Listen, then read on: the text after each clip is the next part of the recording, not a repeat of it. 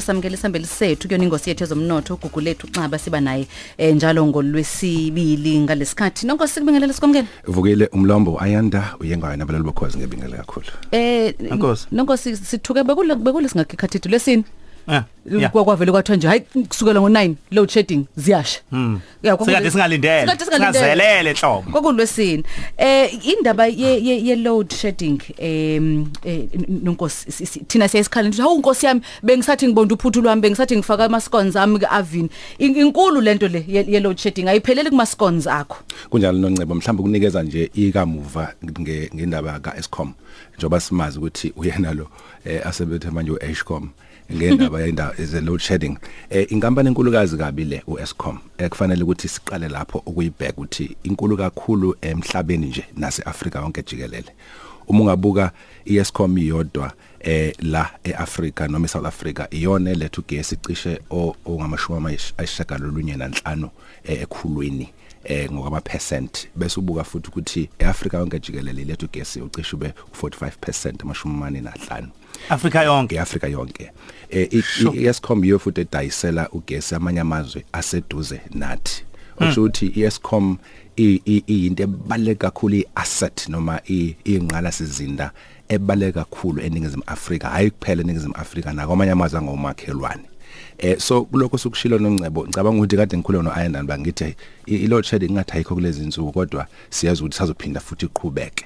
Eh ku- ku- ku- kubike lokho kwenzakalayo kakhulu ngoba sikubuka ngokweso lebusiness ukuthi kunomthelela ongemuhle emabhizinisini kunomthelela ongemuhle futhi nakubatshali izimali eh bamazwe omhlaba uma ukuthi bafuna ukutshala imali eningizimu Afrika ngoba baye babuka ukuthi yiziphi izinto eh eh, ezihamba kahle kakhulukazi kulesi simo sikagesi ngoba phela kukhumbula kancebe ukuthi ugesi yiwo owumgogodla womnotho wonke kahle hle. Eh, and futhi ugesi uvela kulokho esikubiza ukuthi industrial revolution la kwaqala khona ukuthuthukiswa kwezimboni so uma ungabuka nje ukuthi sihlulwa into yaleso sikhathi kuyimanage ngendlela eyiyo senze sure ukuthi eh akwenzeki lokho kwenzekalayo isimo leso singesibe esinomthelelo omubi emabhizinisini. Eh nonke si- sizithola kanjani sikulesimo sokuthi sithengisa ugesi eh emazweni angaphandle eh ekhaya nansi imeduphi i- i- iproject yeme- yeme- yemeduphi eyathatha iminyaka? Sey ayikaphela ngithi indaba yem- yem- yemeduphi ayikaphela indaba yemeduphi eh nekusile noma nuclear bed reactors. Maw driver uya em- e e- Western Cape uyadlula la khona khona ama windmills kuphehlwa khona u- ugesi eh kusebenzisa i- kuthiwa yini i- amandla omoya. Eh khona manje bekhunda ukuthi kuzo ugesi uzokhona i hydro energy. Sizithola kanjani sik- sikule nyaka nyaka abantu bakaNkuluNkulu? Ah ubuza umbuzo othi kwenza kanjani sithengisela amanye amazwe sibe sisenkingeni efana lesi kuyona. Angikusho ukuthi u- u- iningizimu Afrika inobudlelwane namazwe angomakhelwane. Ubudlelwane obudala nobude ukuthi angeke uthi ngoba nakho mhlambe ukudla kukho kwakho akungamsiza umakhelwane. Ngakubeka nje kanjalo. Angimnanele. Angimnanele noma kuthiwa nami ngi- ngiyashoda shoda eh kune kuneyivumelano kwelezo ihambisana nokusebenzisana namazwe angomakhelwane abanye abantu abaye bakhononde ngakho kodwa asingeke sikwazi ukuyishintsha ngoba ubukhelwane ubukhelwane. Kodwa inkinga enkulu kakhulu eyenza siyithole sibe la sikhona iqiniso kumele silibeke nje ukuhluleka ukuhlela ngase ngase side likahulumeni.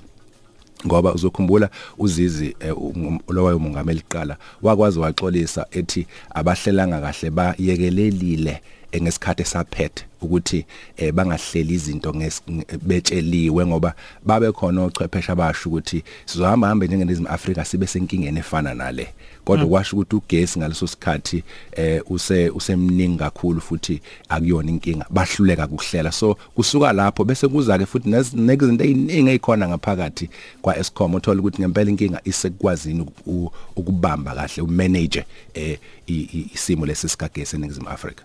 Thina njengabantu abasebenzisa ugesi em kuyasilimaza kakhulu ngoba u- ungase ucabanga nje ukuthi ama fridge amaningi ayavalwa agcine mhlambe sekubola izinto kakhulukazi mase kuza kulesi stage esithile esi- esiphezulu kunaleso kuseyiso khona manje. Eh, okunye ngifisa ukusho la uNongcebe ukuthi eh kumele siqaphele lokho ukuthi singagcini singene eh, esikhebeni esifana nezo lase Nigeria eh iNigeria umuya lapha eLagos uzothola ukuthi kuthunqa intuthu kunama generator idolobha lonke. Ak- akuselula ukulungisa isimo sase Nigeria ngenxa ukuthi eh osozimboni noma osomabhizinisi bebambisana nosopolitiki sebenamabhizinisi ama generator so amazwi abasafuna ukulungisa isimo esizokwenza ukuthi eh iNigeria noma iLagos ibe kahle esimweni sikagesi eh ngaphandle kwama generator so Hey, kunesimo esicishe sidasiye lapho uma singeke sikuqaphele lokho ngoba phela usesiyazi ukuthi nala eSouth Africa ubuqhophololo lobu eh nezinto ezimbi ezenzekalayo eside ngahulumeni ziyenzeka. Kodwa yazi um- uma Hayi. ngibheka lento ngang ngangixoxela ukhathitho Yeah. ukuthi kukhona umngani wami um- umyeni wakhe uya a- a- atshalwe kulamanye amazwe aseAfrica wakwatshalwa eKenya. Eh kwakufanele ukuthi siyavuka ngesikhathi esithile senze izinto ezithile ngesikhathi esithile siyapheka sithini sithini sithini ngoba ngesikhathi esithile kuvalwa amanzi kuvalwa ugesi. Yes. Ezim useZimbabwe manje utshalwe eZimbabwe manje.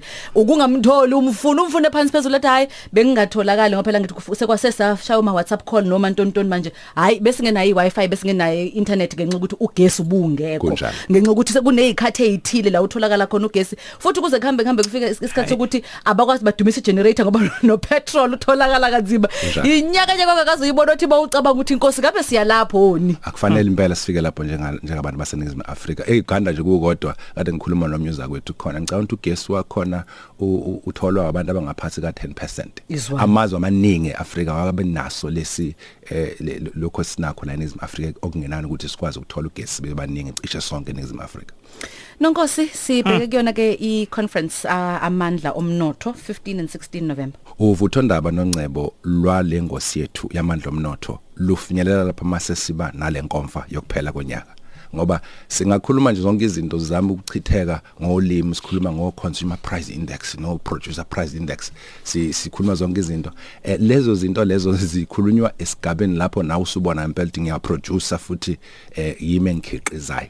Eh ngithe asithi nje qabuqabu kafushane ukuthi namhlanje eh ngeviki edlule sasikhuluma ama essential oils. Baningi abantu abafonile bekhuluma ngazo lezi zinto bethi bayafisa ukungena kukho lokho sasikhuluma ngakho eh amakhambi la emvelo sasikhuluma ngawo eh imsuzwana nazo zonke izinto. So besikhuluma ngawo ke kwinkomfa. So khuluma ngensango lesihlalo sikhuluma ngayo la. Kuzobe khona ama expect eh ingcwedi ngempela eziqonda kahle ka- kamhlophe lokho onogwaja ke ulimi lwemhlanga emihle sivama ukukhuluma ngayo kulo kulengosi so besikhuluma ngayo ngoba kuyaqhubeka kakhulu sesithole nane market lapha ngaphakathi yokudayisa nogwaja. Siyazi kuyoba nesixhakaxhakana eh, embonini yonogwaja. So besikhuluma ngeagave nealu inhlaba eh yokwazi ukuthi ukhiqizwe eh, into zokugcoba. Sikhuluma ngo- ngembuzi nobisi lwayo ngoba kwesikhathi sesibuka imbuzi inyama singalibuka ubisi kanti ubisi lwenyama lwe- lwembuzi luyinyama lulodwa enkulu kabi. So Yeah, sikhuluma ngeingulube eh ukuthi ku- na- konke lokho esikhuluma ngakho kuneyinkontileka zakhona zeyimarket abantu bakithi baqala bangene nje benganazi inkontileka so besikhuluma ngento esithi siya implementa manje noma siya siyenza.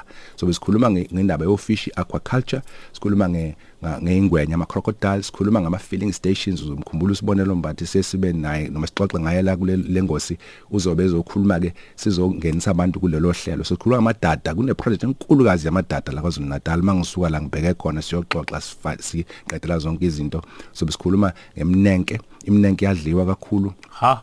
Emhlabeni ingantshatsha neyinidle vele imnenke leyasolwandle so sikhuluma ngayo ke imnenke lapha eh, Oh, idinga yeah. 600 tons ukuthi iye ngaphandle kwezwe izobe ikhona imnenke so besikhuluma futhi nange nange waste economy ne clothing and textile izinto esihlala sikhuluma ngazo kule ngosi hey ezinye izinto mase ibizwa ngesizulu uyawuthi kwethuka kodwa amagama ezingisi mahle kanjani asuke esho lezi zinto. Snails.